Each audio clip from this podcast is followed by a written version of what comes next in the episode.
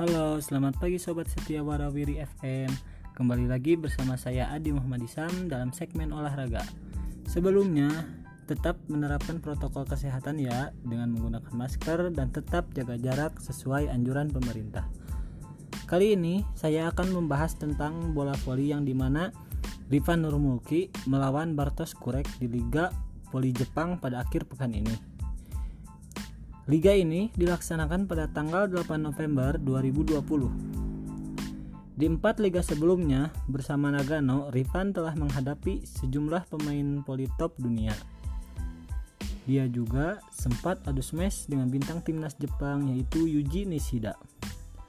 Tetapi yang menjadi perhatian pecinta bola voli di Indonesia adalah saat Rifan Nurmulki adu smash dengan bintang Santori asal Rusia.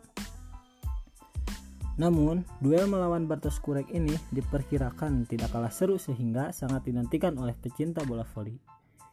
Dukungan terhadap Ripan Nurmulki terus mengalir, terutama dari Indonesia. Pelatih Nagano, Ahmad Masajedi, mengaku menerima banyak pesan dari penggemar Ripan Nurmulki. Dengan motivasi yang tinggi, dorongan yang membuat Rifan Nurmulki semakin semangat. Sobat setia Warawiri FM, jangan lupa untuk menyaksikan pertandingan Rifan Nurmulkia melawan Bartosz Kurek karena pasti seru. Demikian yang dapat saya sampaikan. Terima kasih kepada pendengar setia Warawiri FM. Jumpa lagi bersama saya dalam segmen olahraga besok pagi.